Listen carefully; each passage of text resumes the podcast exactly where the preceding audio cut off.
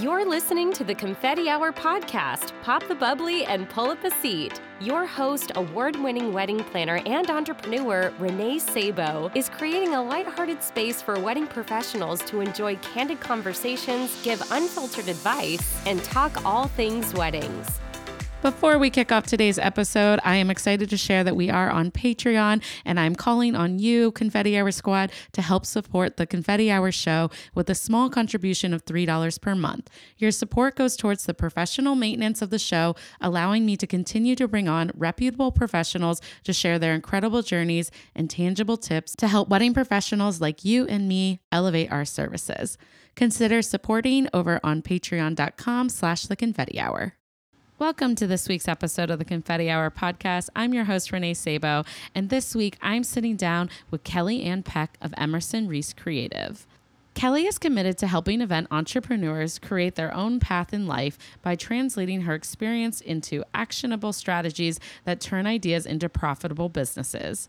She guides creative professionals in developing a roadmap to their version of success, whether that's building a six figure business or discovering more freedom in entrepreneurship. Growing up with an entrepreneur father and launching her own creative business has taught her the common pitfalls entrepreneurs face. She has made it her personal mission to give back to the event industry by helping business owners avoid the same mistakes she's made and ultimately reach their full potential. You guys are going to hear all about Kelly's journey. And of course, we are going to hear from her on a great topic, one that I cannot wait to hear about. We are talking about pricing during the wedding boom. You will, of course, hear what she wishes other creatives knew, and her confetti hour confession. Okay, without further ado, please help me welcome Kelly. Hi, Kelly. Hi, how are you? I'm so excited to be here today. Thank you so much for being here. I'm really excited to connect with you. And I know you have some great tips for our audience. But to kick it off, of course, I like to talk about you first. And I want to hear all about your career journey. From what I hear, you've been on the planner side of things like me. So you're traumatized, right? No, I'm just kidding. no. Just kidding. but yeah, uh, kick us off and tell us about your career and kind of what's led you to be in this uh, crazy world of events. yeah, no, absolutely. So I've always had the entrepreneur gene. I just kind of didn't realize that I would use it later on in my career. But um, my dad uh, started his own business a year before I was born. So I grew up in an environment going with him to work and getting to see him do like all the things and seeing when his business was doing like really, really well. And then, you know, sometimes it would have a lull or, you know, so I grew up in that environment. But, mm-hmm. um, I knew that I didn't want to work behind a desk. So my dad actually made me come and work for him when I was 19 because he's like, You're in college now. You can't be a lifeguard anymore, which I ah, still to this day. into work. right. Exactly. Still like bartending and like lifeguarding were like two of my favorite jobs I've ever had. Oh, um, I love it. Yeah. So he made me come and work for him for about a year. And then he was like, Okay, baby, you can go and do whatever you want to do now and i'm like all right sweet so um i went and worked at a restaurant called lone star steakhouse and saloon. I don't believe uh, they're around anymore but you know what like you just said you know oh you come from the planner side like does it freak you out? or you know all of those things but i feel like in the hospitality industry we are the land of the misfit toys we really like MacGyvering things with, you know, DW 40, some duct tape, and some can- taper candles or whatever it is, right? Like mm. the, we like being able to solve problems immediately, you know, 10 minutes before people are walking into a ballroom. And it's like, holy crap, how did we do that? And we get off on that, right? So I, I think clearly when you come into, um, the hospitality world, you find out very quickly if you love it or you dislike it, and you just move on to another industry. So, um, I started out in restaurants and I absolutely fell in love with it. Um, and I've done pretty much everything in the hospitality space. Uh, but a major part of my background uh, is in catering uh, and private clubs. I've also went over to the other side and sold rentals and did business development and sold very beautiful chargers and linens and all of those things. And, but I really fell in love with the selling process. Um, for me, I was really lucky to be in an environment when I got out of grad school. I went and worked at a baseball stadium in Frederick, Maryland, which I live in the DMV. I'm in Northern Virginia now, but I was one of the youngest AGMs that they um, hired um, in Frederick. And I really got to learn how to be of service to others and fix problems and literally be able to deal with the clients and people who didn't have their IDs and they're like, I'm 50 years old. Why aren't you going to sell me a beer? And I'm like, because if the alcohol commissioner comes around, we'll lose our liquor license. So um, I was really fortunate to know how to produce and then moved into the selling aspect of it uh, in my 20s and just absolutely fell in love with that. But I also loved selling when I was like in the fifth grade when they'd we'd bring home all the things to do like door to door sales. I really enjoyed doing the door to door Girl Scout cookie sales, like all of those things, right? Like leading up right. to that moment. But um, yeah, but and then, you know, as well as planning these amazing experiences. Um, you know, I've been really lucky to walk 400 couples down the aisle in my career and produce massive corporate events, which were tons of fun. I got to light fountains at the Kennedy Center in Washington, D.C. on fire, which I'm like, they're never going to let us do that. And they did. It's still one of my all time favorite events I've ever done. And um, during the pandemic, you know, learning just kind of how to shift um, because pivot drives me absolutely insane. Um, people started reaching out to me and going, Hey, Kelly, I don't know how to sell. I'm absolutely terrified of it, but I want to start my own business and I don't know how to do that. And so that's how the business coaching uh, came around. And I'm really fortunate with that because I get to teach people my superpower because I could talk about selling all day long. So that's kind of how my trajectory has happened, you know, over it'll be 24 years uh, in September since I've been a part of this industry that I like absolutely love. And I just get to be a part of it in a different way now to like teach people how to have sustainable growth because you can be the best photographer or event planner or videographer or caterer or sell beautiful furniture, whatever that is in your business. But if you don't know how to run a business and you don't know how to book business and be able to deliver on that and wear all the hats, um, that's where I get to come in and really be a cheerleader and support and help people thrive. So, mm. um, it's been a really amazing journey.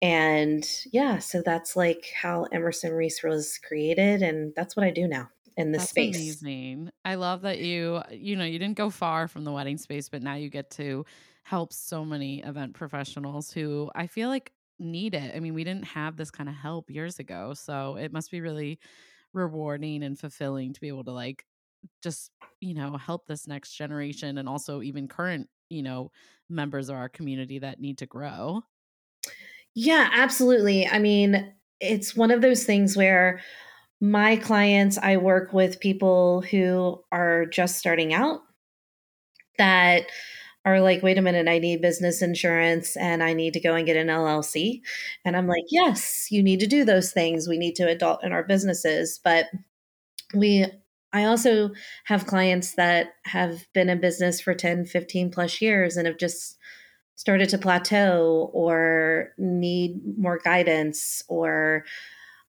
want to try things in their business that they're terrified to do and I'm there to be able to help support them in those endeavors and watch people grow and and do those things because what I'm super passionate about is sales. There are so many in the industry that don't care to sell in their businesses or don't want to dive into those things, but it is the main thing that generates revenue in your business. If we're not selling, then we have no clients to serve. So it's really just taking away that stigma of, I don't want to feel salesy and really be able to empower who you're going after with your marketing and messaging, as well as like sales is a conversation. It's literally figuring out who you want to be working with and if they're a good fit for you um, and moving forward in that process, which I think as entrepreneurs, as well as salespeople or anything that you do in the industry, I think sometimes we forget that for ourselves, right? Because we're looking at a pace report or needing a check that month because we don't have anything coming in just yet. And we take on a person and it's like, oh, why did I do that? Yeah. So, which we've all gone through. I have done it many times in my oh, career. Yes. Learning curves are so much fun. And these are the things that do it, right? So, yeah, yeah, no. And I mean, I'm really excited about the topic you're going to talk about because I feel like we've all been through ups and downs on pricing too. Yeah, absolutely. I mean, for me and my career, um, I have I've underpriced, I've overpriced, I've slapped a price on things. Uh, I look at what everybody else is doing, which I should be doing my own thing, like all the mm-hmm. things, right? So, right, um, right. I'm excited to talk about all those things today.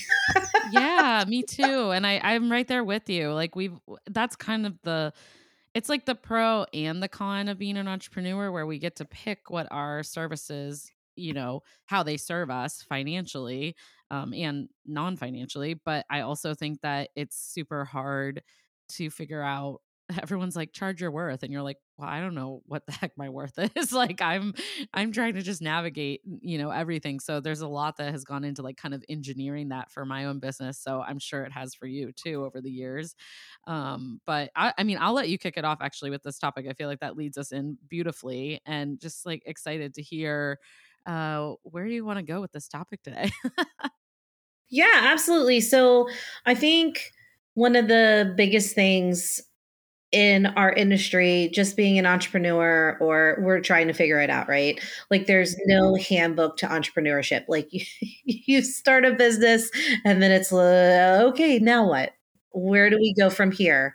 Right. And for the non rule breakers who are listening to this podcast today, wait a minute, there's no rules, there's no structure. And where I find that it can be extremely gratifying is you get to make your own rules, you get to make your own structure, you get to create truly what you want to create.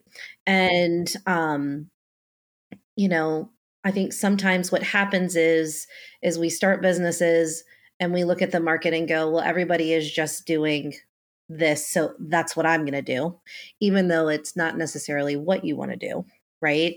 Um but the biggest piece with talking about pricing and packaging and all of those things is you know what's the goal? Who do you want to go after? And that's really ideally where it starts. It's figuring out who that person is what type of wedding couple you want to work with you know, it may be shabby chic wedding couples, it may be same sex couples, it may be Nigerian couples or Jewish couples, like whatever that is, it's figuring out who that is when you get on these conversations with people because we've all had them regardless if you have your business in the beginning or if you've been in business for 10 years um, you know when you get on a call with someone and you get super excited about the connection and going, "Oh my mm-hmm. god, I can help this person." And that's such a huge thing. So, really it starts there. And sometimes I get into conversations with people where I look at their marketing and messaging and their websites and i'm like oh so this is who we're looking to go after. This is who we're looking to build our book of business around. And then they look at me and go no i don't even want to do that. It's just there. Eh, because that happens sometimes right? Um and then it's figuring out and having the courage because we all have confidence right? Like we've gone through the past two years, we've shifted, we've done all these things. You have the courage and the confidence to do whatever you need to do in your business. Um, but at the same time, it's also figuring out and closing the door on one thing if it doesn't fill up your love tank in your book of business anymore, which is hard. And that's not like an overnight process. That is sometimes a year or six month process for some, right? Because everybody's mm-hmm. journey is different and it can't be compared to another person's journey. But when you when you learn how to close the door and really focus on your niche and really focus on that type of couple client that you're going after, you have the space and more time to go after that client. And your sales cycle will be quicker as well. Right. Right.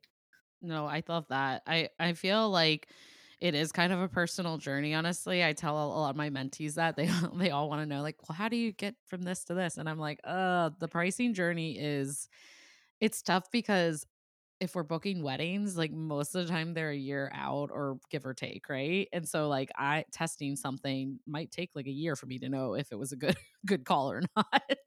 Yes, absolutely. Yeah. So it's hard. Most, you have to be very strategic, you know? You have to be very strategic, but I absolutely love what you just said there, where it took me a year to figure that out, right? right, right. And it, because you had historical data, you had talked to so many people. You got tons of feedback. You know what worked, what didn't work, how to land that client, how to close that client. All of those things go into your packaging and pricing. And what happens sometimes is we become fearful and the doubt sets in where you start selling a new service. And I mean, I love to sell. I've been selling for almost 24 years, but I have to have a ramp up period with selling any kind of new service as well as anybody else, whether you like to sell or you don't like to sell.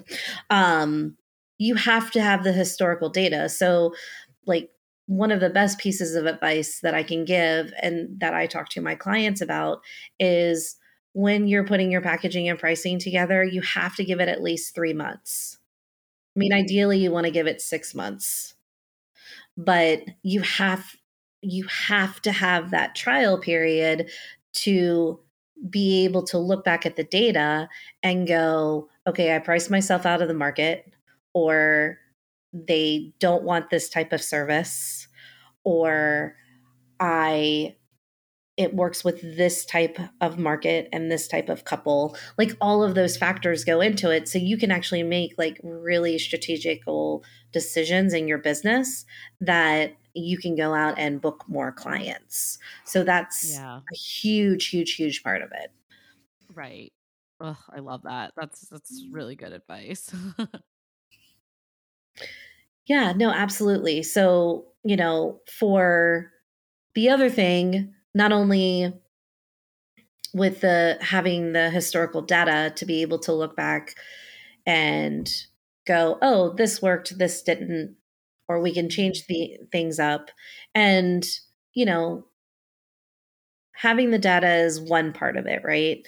But it's also having packages as well. So, and not having 10 packages. There's um, a good balance. There has to be a balance with it. Yeah. there has to be a balance there for sure. So, you know, another piece like three is a big thing that we talk about with clients all the time like three months of historical data three types of packages and it's one of those things where if you don't have packages i remember when I was I didn't have packages. I literally would write uh, proposals over and over and over and over again. And sometimes the proposals would feel like term papers back when I was doing my graduate work. And it's like the time, the effort, like all the love you pour into them, like all the hours of time, the expertise. And the client doesn't initially understand that, right? Like sometimes they just think, oh, they just have to type a couple of words on it and they're sending it to me. Like there's a lot of love and care and thought that goes into those proposals. Um, but one of the biggest things that I had to learn through that is going through my spreadsheet because at the time I didn't have a CRM and going, "Oh, I sell this over and over and over again and this is a package and this is a package and this is a package." So, um and with 3, it's not overwhelming as well as with your lowest package that you have, that should be really your standard, right? Like what that is for you. Um, and it's okay if your price on your lowest package is a little bit higher than everybody else's. It doesn't have to be the same price as the market. It's all of the things that go into that package. And then your second package should really be your MVP, like what you're selling all the time and what you love doing for your clients as well. Like if that's partial planning or like for me, I loved doing the design and logistics. That was my favorite thing on events uh, when I was doing that the past couple of years before I shifted. And that's what I sold the most of. I loved making everything look pretty. I loved taking care of all the vendors. I loved doing all the logistics and being there for setup, making it look gorgeous. And then I got to go home and like put my kids to bed because I have a four and oh nope, he just turned five on Wednesday, so he would be very upset if I said that he was four right now. Um, but I have a five and a six year old. You know, back then when I was doing events, they were toddlers, so being able to step away from an event um, and come home and put my kids to bed, like I would get high fived from my husband, right? You know, so again, like work life balance played into that. Um, mm. so that was a package for me. And then my top package was, you know, my highest price because they were getting all of Kelly, they were getting unlimited services, they were getting anything that needed to be put into that package and and so forth but it gives people a choice and it's not overwhelming to people. Which i think is so important when you're doing sales because people it, it's like a foreign language right? Like they're reading all this for the first time so you have to make it pretty simple for people. Yeah absolutely i mean uh, for us because we're in it every day and we're hugely passionate about what type of services that we sell it's like an it, it's an afterthought for us because we're in it all the time and sometimes and I do this too. Like sometimes I want to make it like overly complicated to make me sound more like a seasoned expert, where you really just have to simplify it and just have a conversation with your packaging and pricing um, when you're talking to prospects and so forth. And it's asking them the questions. It's really getting down to their pain points. Because with weddings, it's a lot. Like it's, and it was a lot in 2019 right. versus like what it is now. You know, it, it, just, it is, you know, yeah. um, things people, have changed. That's for sure. 100%. Yeah. And the beauty part of no matter what you do in this industry, you're there to serve to make these amazing memories. Like we are really, really lucky in this industry to be able to create that for someone, you know? So it's getting down to asking those questions and being like, okay, you know, what are your must haves? Is, you know, uh, and getting into like, have you changed your date? Have you had to change your venue? You know, on a scale of one to 10, when are you looking to book? You know what's most important? Do you want a small wedding now? Do you want a large wedding?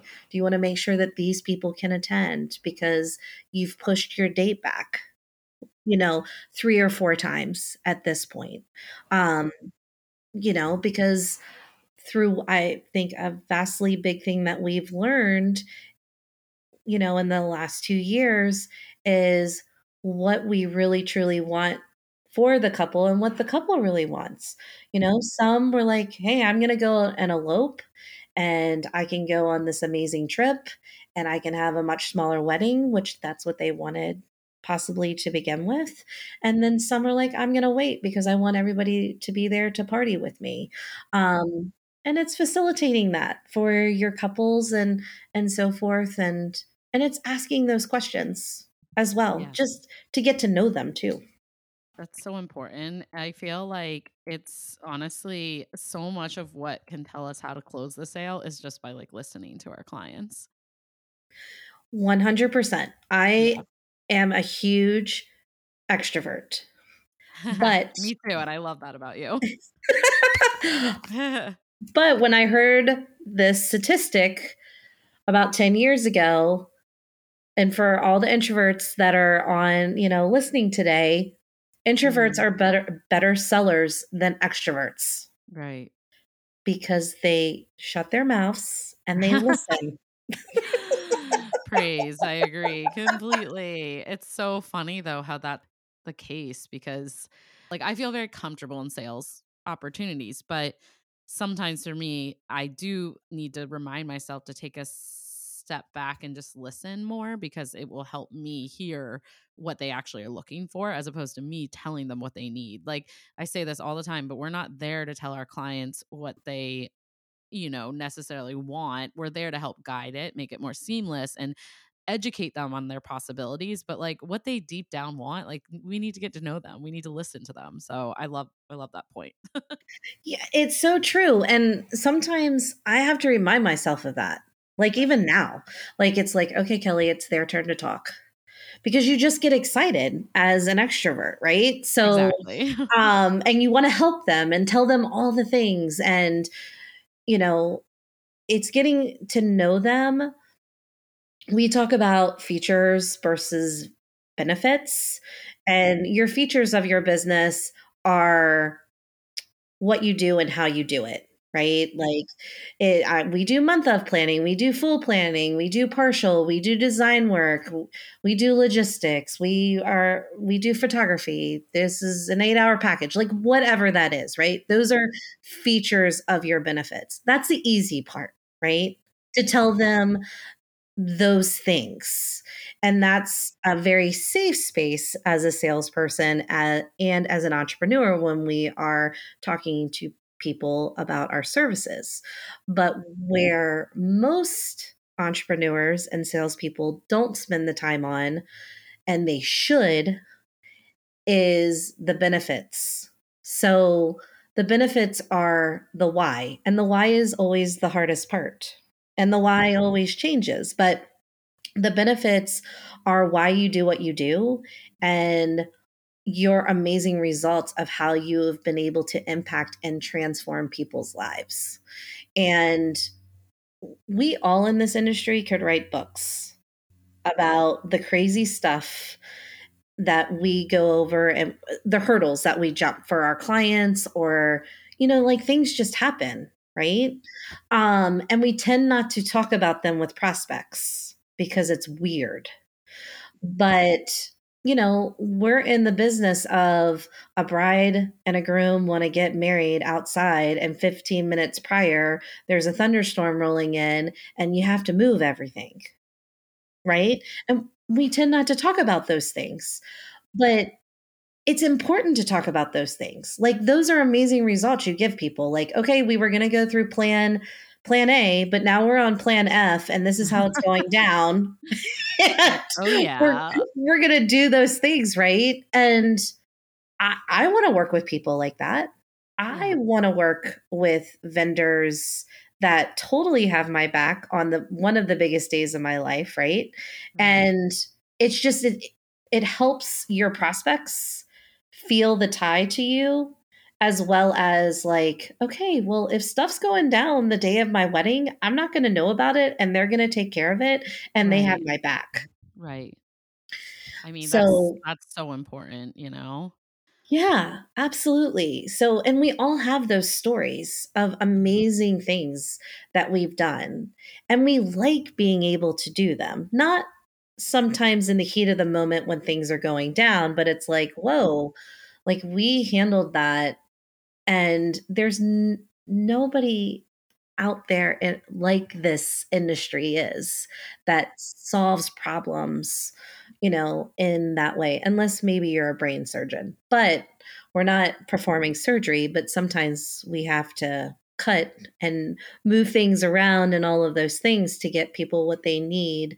And like day of event, like it's most important. So the benefits part of like what are your amazing results? What are the amazing things that you have done for your clients? And honestly, it's asking the question like why did you book me? Yeah. I mean, that's a that's such a good to the point question too. Yeah, absolutely. Because we all know that everybody shops around because it's what's in it for me, right? But at the same time, there's only there's only one you. I love the book uh, Big Magic by Elizabeth Gilbert. Uh, she wrote Eat, Pray, Love. Oh, wow, that's awesome. Yeah, and it's one of like I love Barnes and Noble. Like I really enjoy the smell of uh, new books. So that's a fun Mm. fact today. But um, I do too, actually. That's so like random, but I do too. um. My husband gets now like if I want to go to Barnes and Noble, uh, to leave me alone for a couple of hours and just let me go and do my thing. But um, it's one of the very first books that I was able to read. So it's a quick read if you don't have a lot of time. But what she really talks about is there could be there's millions of people that do what we do, which is amazing from the standpoint of proof of concept, right? Like you know the concept and what you're doing works. But there's only one Renée. There's only one Kelly. There's only one you. And that's why they are choosing you because of the fact that they know that you're going to be in it with them. And it's just telling them about all these amazing benefits of why you do what you do and how you are going to impact them. Because I didn't get it until I was a bride, and I paid for my wedding. So, because we got married later in life at 35, and I didn't get it. I was like, why are people crazy when they are planning their wedding? And then I understood it because I was in it. And it's like it's a second job. And then it's like, when are you going to have a kid? And I'm like, can I just get married? And it's, you know, can I invite Aunt Tina? And I'm like, I haven't seen Aunt Tina in 16 years. Like, why do you want to invite them? Yeah, I felt that way too when I was a bride. It was just like, why are we spending so much money on people that I literally never talk to? But it's fine. That's like a parent thing, you know? totally. But I didn't get it until I walked the path. Mm, And we are there to like walk the path with them and know that we're in it and how we are going to impact them. So, you know, I'm a big believer hiring a planner is the best decision you can make for the whole day, right? And regardless that I planned weddings for so many years, but you want to choose the vendors that have your back as well as you get to be present in the day. And it's literally going, okay, I'm going to impact your life by now you don't have to do the research. You have a plan. You have an expert that understands that your grandma's in a wheelchair and the venue is handicap accessible and she has no problem getting to her table. You don't have to do all of these things that you've been doing and so forth. And approaching it in that way instead of going, hey, these are the packages that we have, and it's this, this, and this, and it's eight hours and all of those things, right? It it's like, oh, okay, but telling them, hey, I know that your grandma is super important to you to have Nana there, and she's in a wheelchair and she's going to be taken care of, and all of those things. I mean, one of the last weddings that I did, we literally staffed one staff member through my company to take grandpa that literally was 103 years old from Washington D.C. back to his retirement home in Springfield, Virginia during cocktail hour. Like right. So like how impactful is that? You know, they didn't have to worry about grandpa wanted to be there for the ceremony, but he we knew that he would be tired to go to the reception and like how powerful is that right? Versus like hey these are our mm-hmm. packages and like book me which one sounds great right? So it's just that difference but we all have those stories. Everybody does so it's hugely important to to talk about them Yeah, no, definitely. I mean, and that's why I'm grateful for platforms like this and just like this entire community because I think a lot of times people didn't used to talk about this stuff. Uh, but like we're all humans, we're all navigating events at you know simultaneously, and it continues to evolve and change. So, you know, I feel like we do all need to be more open about these stories. You know? Yeah. No, 110%. So, Yeah. You know, it's one of those things where 100% talking about like features and benefits. And then the biggest thing with packaging and pricing Mm, is actually physically pricing your packages out. right. Right. That's kind of an important thing to do. Um, yeah. And I mean, I think a lot of people are like, well, where do we even start? You know? Yeah. So that's the thing, right? It's they're probably going, "Oh, I've heard this a million times, Kelly. Um, however, it's where to start because that's the overwhelming part, right? It's like I don't even know what to put in to packaging. The, you know, everybody, you know, especially if you're looking at your market, right? You can be like, well, because it's like that here, you know, partial in this area is between 5k and 85 on the high side you know full planning is like 10k plus you know and everybody has different uh places where they price the one biggest thing is being super confident in your pricing and packaging Yeah. I mean, because that you have to feel comfortable with what you're selling uh, to an extent, I guess. Like, I would agree, almost being like, I don't want to be ever too complacent, I guess, that I don't push myself to like push new boundaries. But at the same time, you have to be confident, or else they're going to be like, this girl's, you know, like, what are they selling, you know?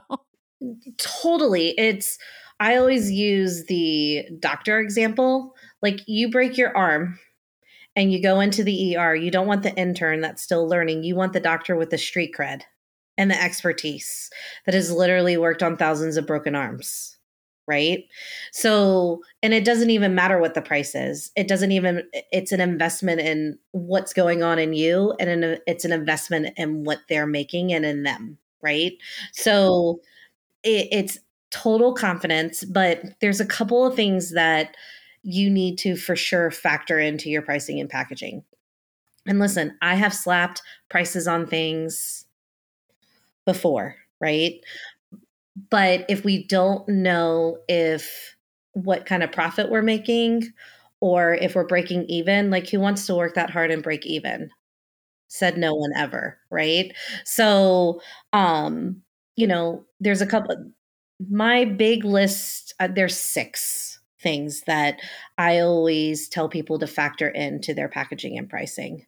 It's the time you spend on the project.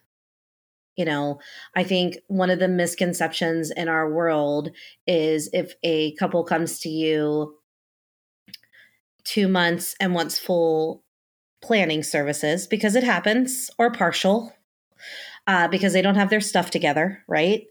It doesn't matter if it's eight weeks out or a year out, it's still the same amount of work that goes into it. It doesn't, you know, if it's a year out or if it's eight weeks out, it's still, it might be 60 hours of work regardless, but it's an educational moment for them. Because I think sometimes people are like, oh, well, I'm booking this person two months out and they're going to mm-hmm. cut their full package or partial package in half. And no, it doesn't work that way. Oh no. I honestly like that's like so cringeworthy. I would actually charge more to plan an event in a short amount of time. Right. Like Because it's it's a rush. more work. Yeah, it's a rush, it's a headache. There is supplier like issues. You may not be able to get certain things. So yeah, it's a liability to be honest. So I don't I don't know why people uh, like don't think about it that way, you know?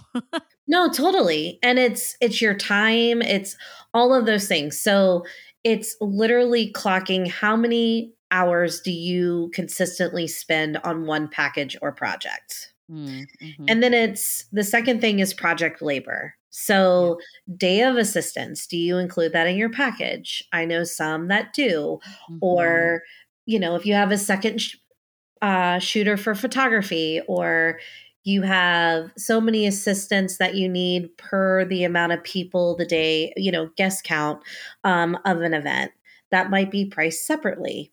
But it's Mm, project labor yeah. because, and labor, well, labor has never been cheap by any Right. means, but now it's harder to find it Yep, it's harder to find it. It's harder to find people like skilled labor, right? Mm-hmm. Um, all of those things. So factoring in the labor and then expenses. So your gas to and from meetings, supplies that you have, yeah. you know, depending on like if you do paper be- details, like ink is not cheap either as paper anymore or film or anything along those lines.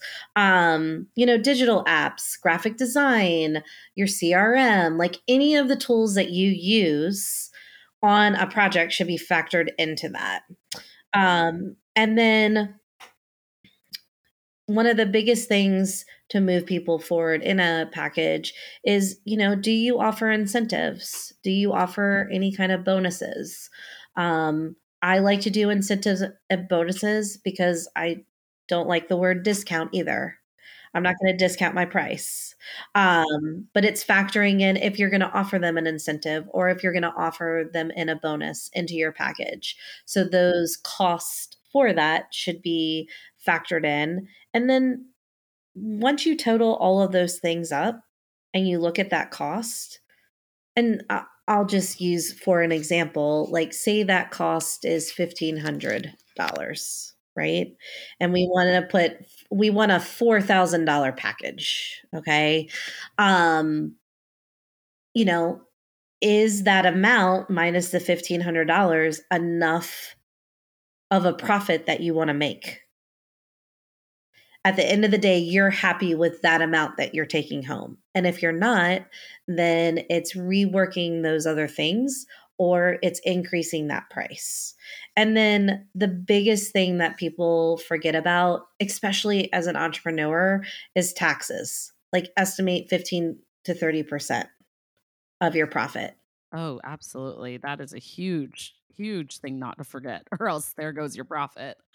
Exactly. And, yeah. you know, for any entrepreneur out there, if you don't have a save a business savings account, what I do and what I always recommend to my clients is put anywhere from 15 to 30% into that savings account and then you have it to pay your quarterly tax or if you just pay your taxes all in one fell swoop within the year it's there.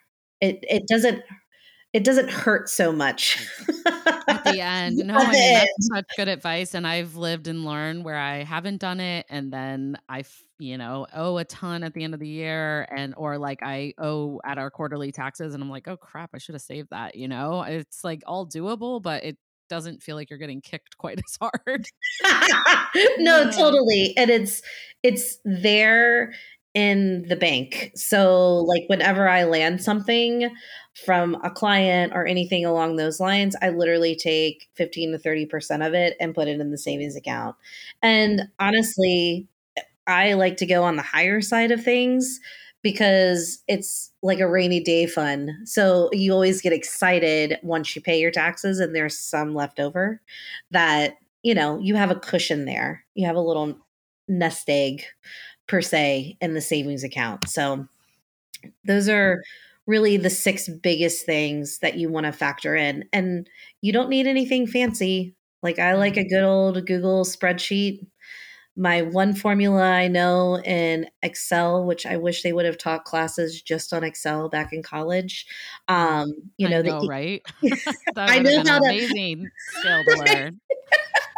but I know the one I know how to total things, and right. you know, so a good old calculator and a pencil to like literally write down all those things and start figuring out those costs of pulling past invoices. Like it's a tedious part, but it's a very, very important part because if you're not doing those things and then you look at it and go, oh my God, I've been breaking even or losing money, yeah. you know, it, it it's it's so vital to be able to make big decisions in your business and so forth. Yes. Oh gosh, it's so important. And I, you know, like that's kind of what I referenced earlier too when you started talking about this, like this idea of like a reverse engineering. A lot of people do it in their own personal life you know they're thinking like i need to make this much money to take home but we often forget to reverse like and break down what that looks like for what we're charging and it's i just love all your tips because it just reminds us like there's so much more that goes into our actual service like you have overhead, you have internal costs, you have staffing costs, you have the hours that it actually took you to produce the event. Um, and there's also like you have to make a profit. So like what does that look like for you? Like for me, I always want to make sure I'm making at least like a 30% profit. 25%, I say 30% because I always end up going over with expenses. So you know, at least then I'm coming home with 25% is like the goal. Um, but it's really getting scary if I start to bring home and I'm just breaking even with an event. Like that's not good, you know? So it's different because I'm a service based uh, business, but I think people with products can resonate with that.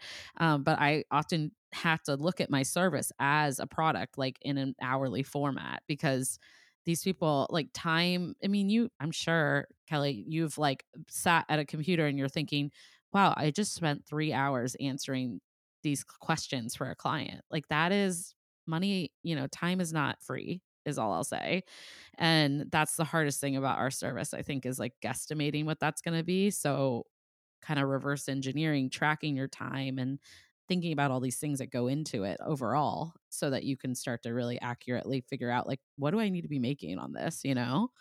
Yeah, 100%. I mean, you know, if you if you want to make 100k a year, the hourly rate that you have to charge is $500 an hour. Like right. Which is yeah. Right? And charging by the hour, it's comparison. They can look at the amount of time and go, oh, well, this person is charging this, so I'm going to go with them.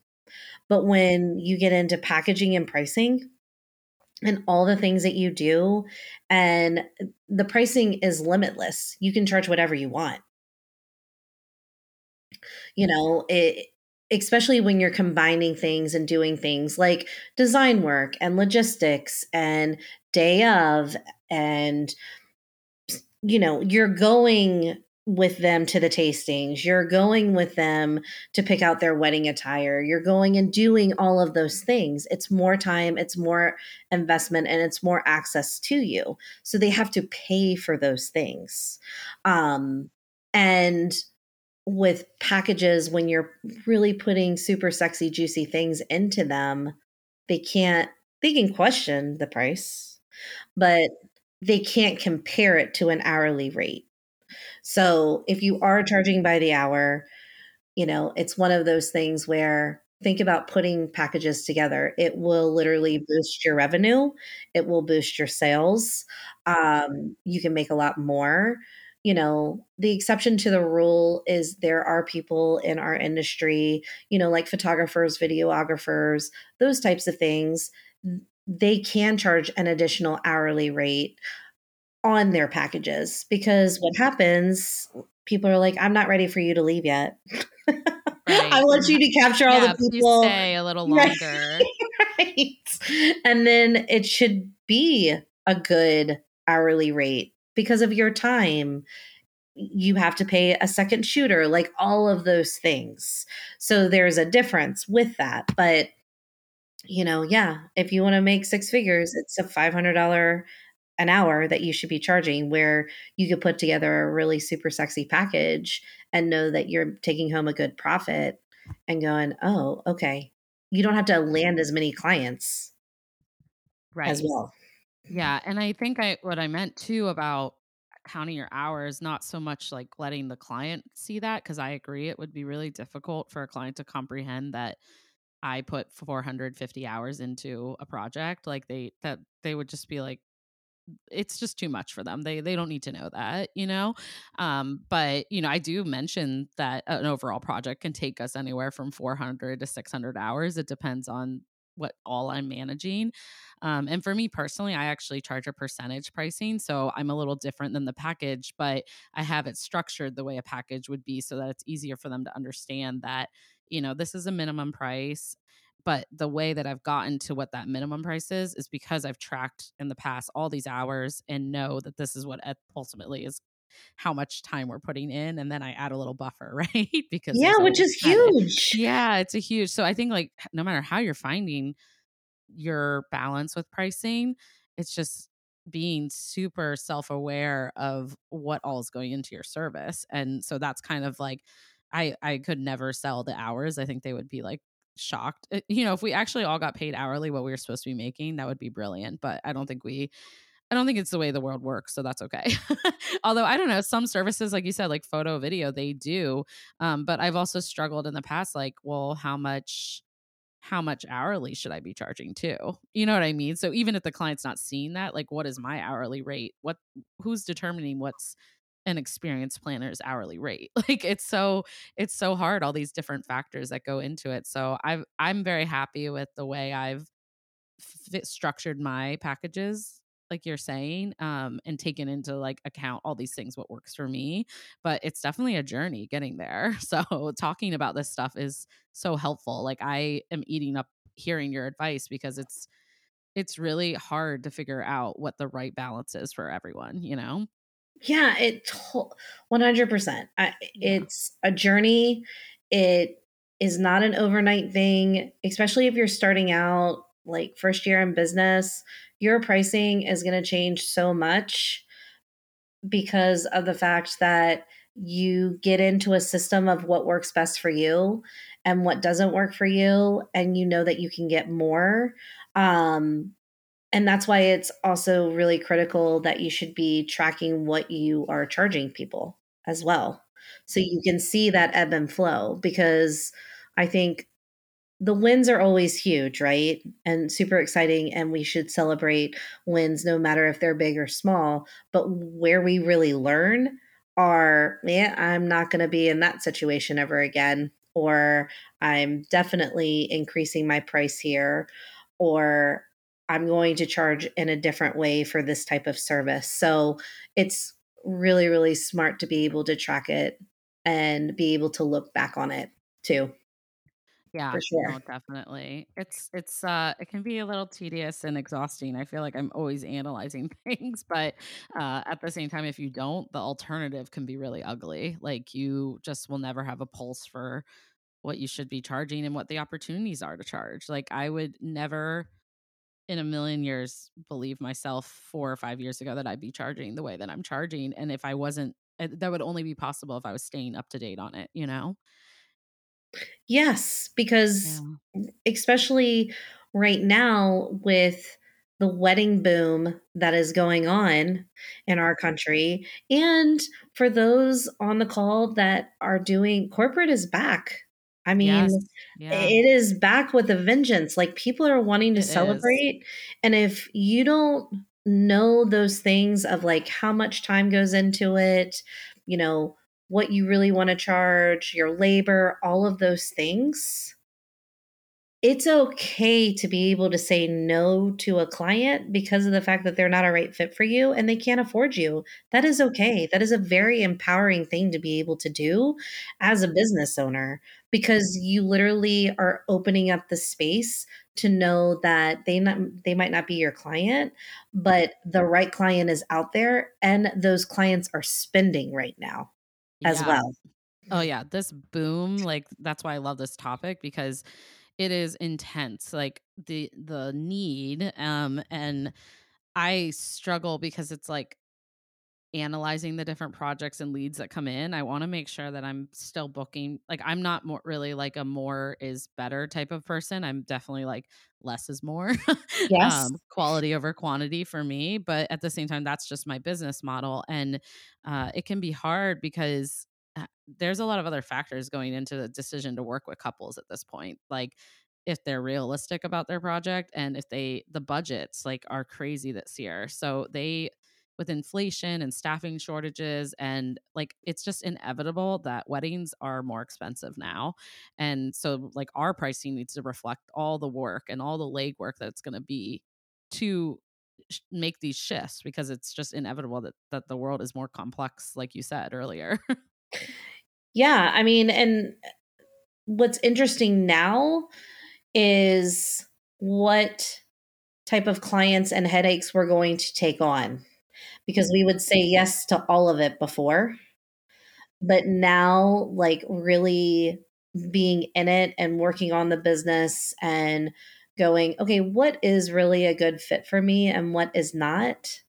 and all of those things i think is even more of a, an important factor now as being a business owner or owning your own book of business than anything you know budget is a huge piece of it but it it's also are these people good humans and do i want to work with them in the allotted amount of time before their date? Yeah. Yeah definitely. It's it's a crazy world honestly. I i really am uh, just shocked by how quickly it's been changing over the last couple years because it it changes year to year always but i would say that this has been rapid. It's pretty crazy how things have just drastically shifted.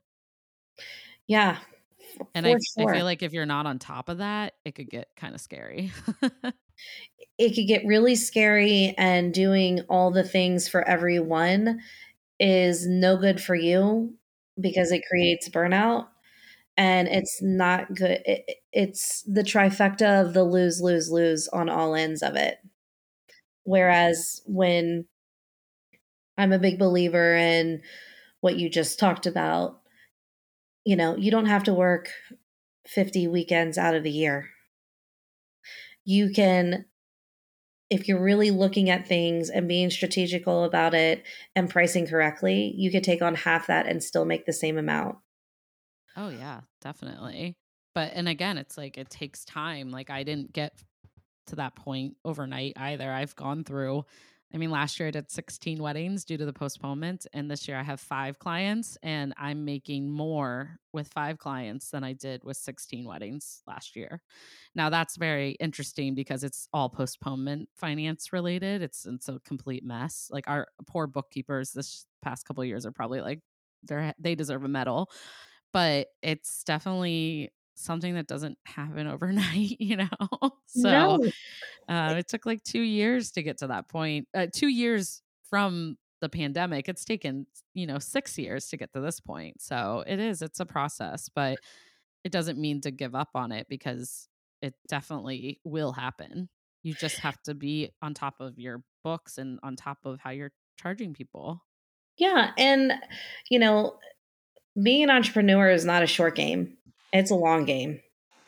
It's it really it really truly is. Like and that's where you can't compare because where mm-hmm. you are in your journey and where somebody else is in their journey just starting out or you know, starting their own business, all of those things go into it. That's mm-hmm. what like drives me nuts sometimes where it's like i can help change your business within three months six months right that's not how it works it is a journey it is a path and yeah. it's working the right strategies for you mm. as a business owner that up level your business but you want to do in your business and you have growth versus going this is what everybody else is doing and I don't want to do that. Well, then don't do it.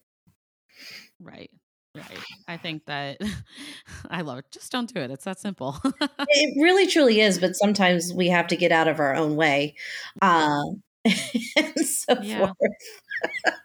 no, I know. It, I mean, we do have to get out of our own way. I think that is so true oh my gosh. Well, this has been amazing. I'm so grateful for your like very honest like direction and tips for people. I I feel I've learned a lot from you, so I am no doubt that everyone listening has too. So, um but I definitely before we run out of time, I want to ask you, of course, what you wish other creatives knew.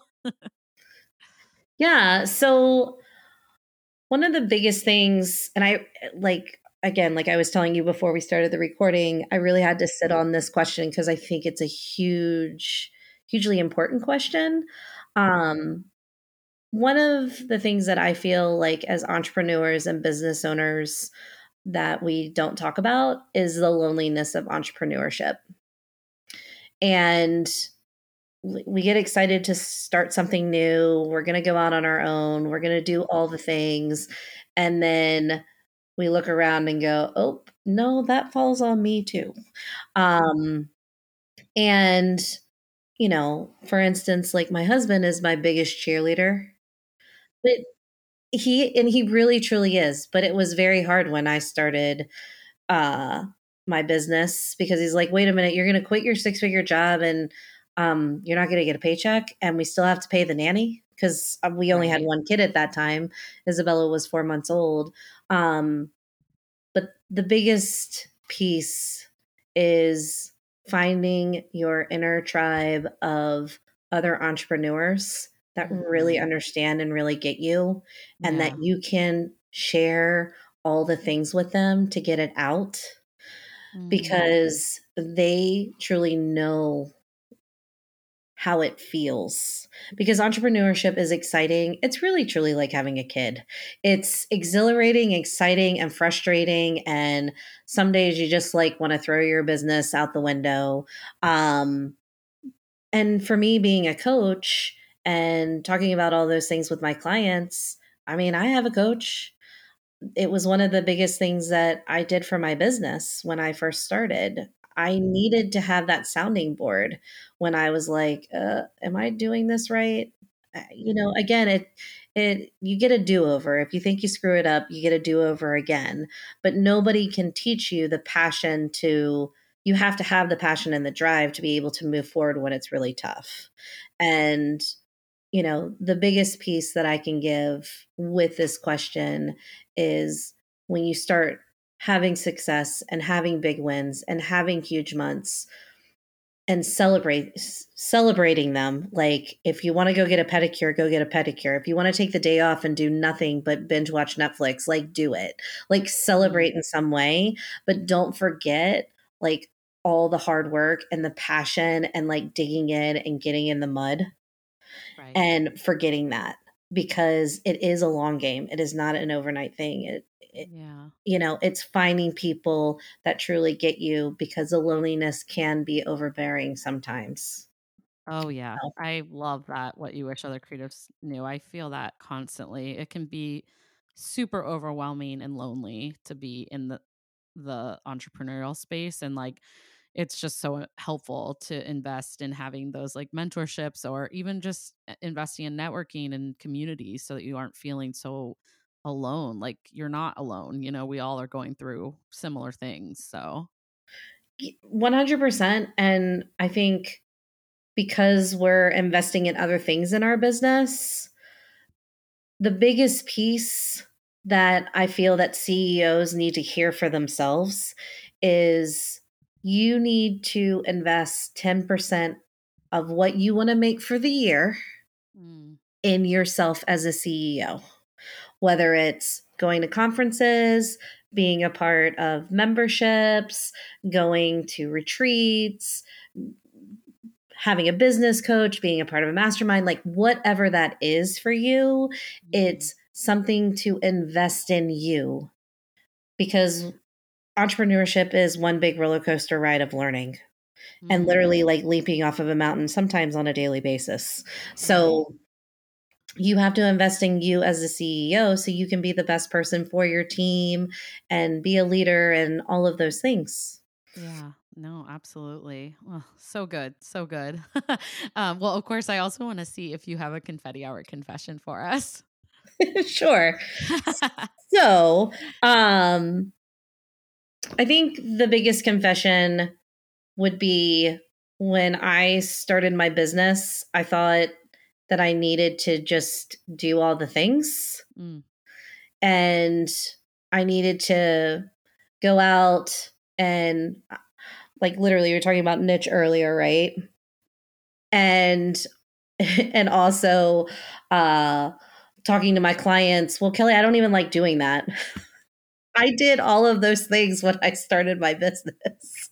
Oh gosh. I mean, I know. It's like uh, uh, of course we did because it's so hard. You have to learn, you mm. know? It's like it just is what it is. yeah, no, totally. I mean, still trying to figure out like who I am as a brand, who I want to be, all of those things like when I started and I just didn't sit with it.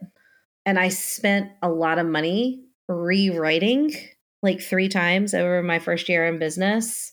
Um and literally, you don't need a lot of things to start your business. You literally just have to go out and do proof of concept and just start to sell, which I did, which I did. But at the same time, I remember because I was going to do events and then the I literally got my branding back March 17th of 2020. Okay. Funny now, not funny then, right? So um, I can laugh about it now, but at the same time, I knew that the branding and the messaging wasn't right because that's not what I wanted to even be doing. So if I can give anything out of this confession, it's know what you want to do, who you want to work with. It takes time. It's not an overnight thing. Sometimes it takes a couple of months. And no matter if you're starting a business or if you've been in business for five years, I need you to know that you're not at ground zero. You come with, you might be starting a new thing with selling a service or starting your business, but you still come mm-hmm. with all the street cred, all the expertise, everything that you have done in your in your career, your graduate work, your school, all of those things, you are not starting at ground zero. So I mm-hmm. need for everybody to know that too, because sometimes we feel like when we are taking on something or starting something new, we're like a newbie when you're not really. You're you're a seasoned veteran expert in whatever you're doing. You're just starting something new. So that would be my confession for today. I love it. Thank you. I mean, it's the truth and I I love it. I think that was a great confession. So it's like we you know, you just take sometimes it's not great to always just dive in without taking a moment and like but we've all been there so we've all been there 100% oh my gosh yeah. Well this has been amazing i'm so grateful. Do you how does the future look? Like what do you have coming up this year? And of course like where can everyone find you? Yeah so um coming up this year what makes me really excited is people are investing in themselves. They started to really come out of 2021 and Q3 and Q4 making money because people were getting back into events. And now my clients and people are like, game on. I like want to have growth. I want to do all these things and let's do it. So, um, lots of good things on the horizon. But uh, mm. one of the really big things that I'm very excited about uh, for this year is um, we are planning our retreat in Arizona in November. It's a business planning oh, wow. retreat. So exciting. So I'm really excited about that for any entrepreneurs that are looking to business plan for the following year that tend to keep it in their heads and not write it down. I'm just really excited to one be in a warm climate in November um, because in Virginia it's going to be cold, but we're getting back to people investing in themselves as well as like being in person. So yeah. I can't wait for that on the horizon for this year. And then uh, people can find me very easy. Just type in Emerson Reese Creative on Facebook or Instagram, and then I'm emersonreesecreative.com. That's my website, my little slice of, you know, the World Wide Web. Uh, and that's where you can find me. I love it. Of course, I'm going to link all this down below. But thank you so, so much for everything for coming on the podcast. It was such a pleasure to have you here. And I will look forward to staying connected in the industry. yeah. Thank you so much for having me. This has been fun. I literally could just keep talking about all the things. So oh, thank yes, you please for come everything. Back. I, yes, of course. Me too. And please, please come back. I 100% will. You ask me and I'll be there. Awesome. And that concludes this week's episode of the Confetti Hour podcast. Thank you guys so much for tuning in. I hope you absolutely loved our guest, and I can't wait to hear your feedback over on social media. Before we go, I just want to remind you to please subscribe and stay tuned for future episodes. And if you are a longtime listener of the show, I kindly ask you to take a few moments and leave a review over on Apple Podcasts. Do you know a fellow wedding pro who might love our podcast? Screenshot this episode, tag a friend, and tag us over on Instagram at The Confetti Hour or The Confetti Hour Podcast on Facebook. That's it for this week, and I look forward to talking with you soon. Bye, Confetti Hour Squad.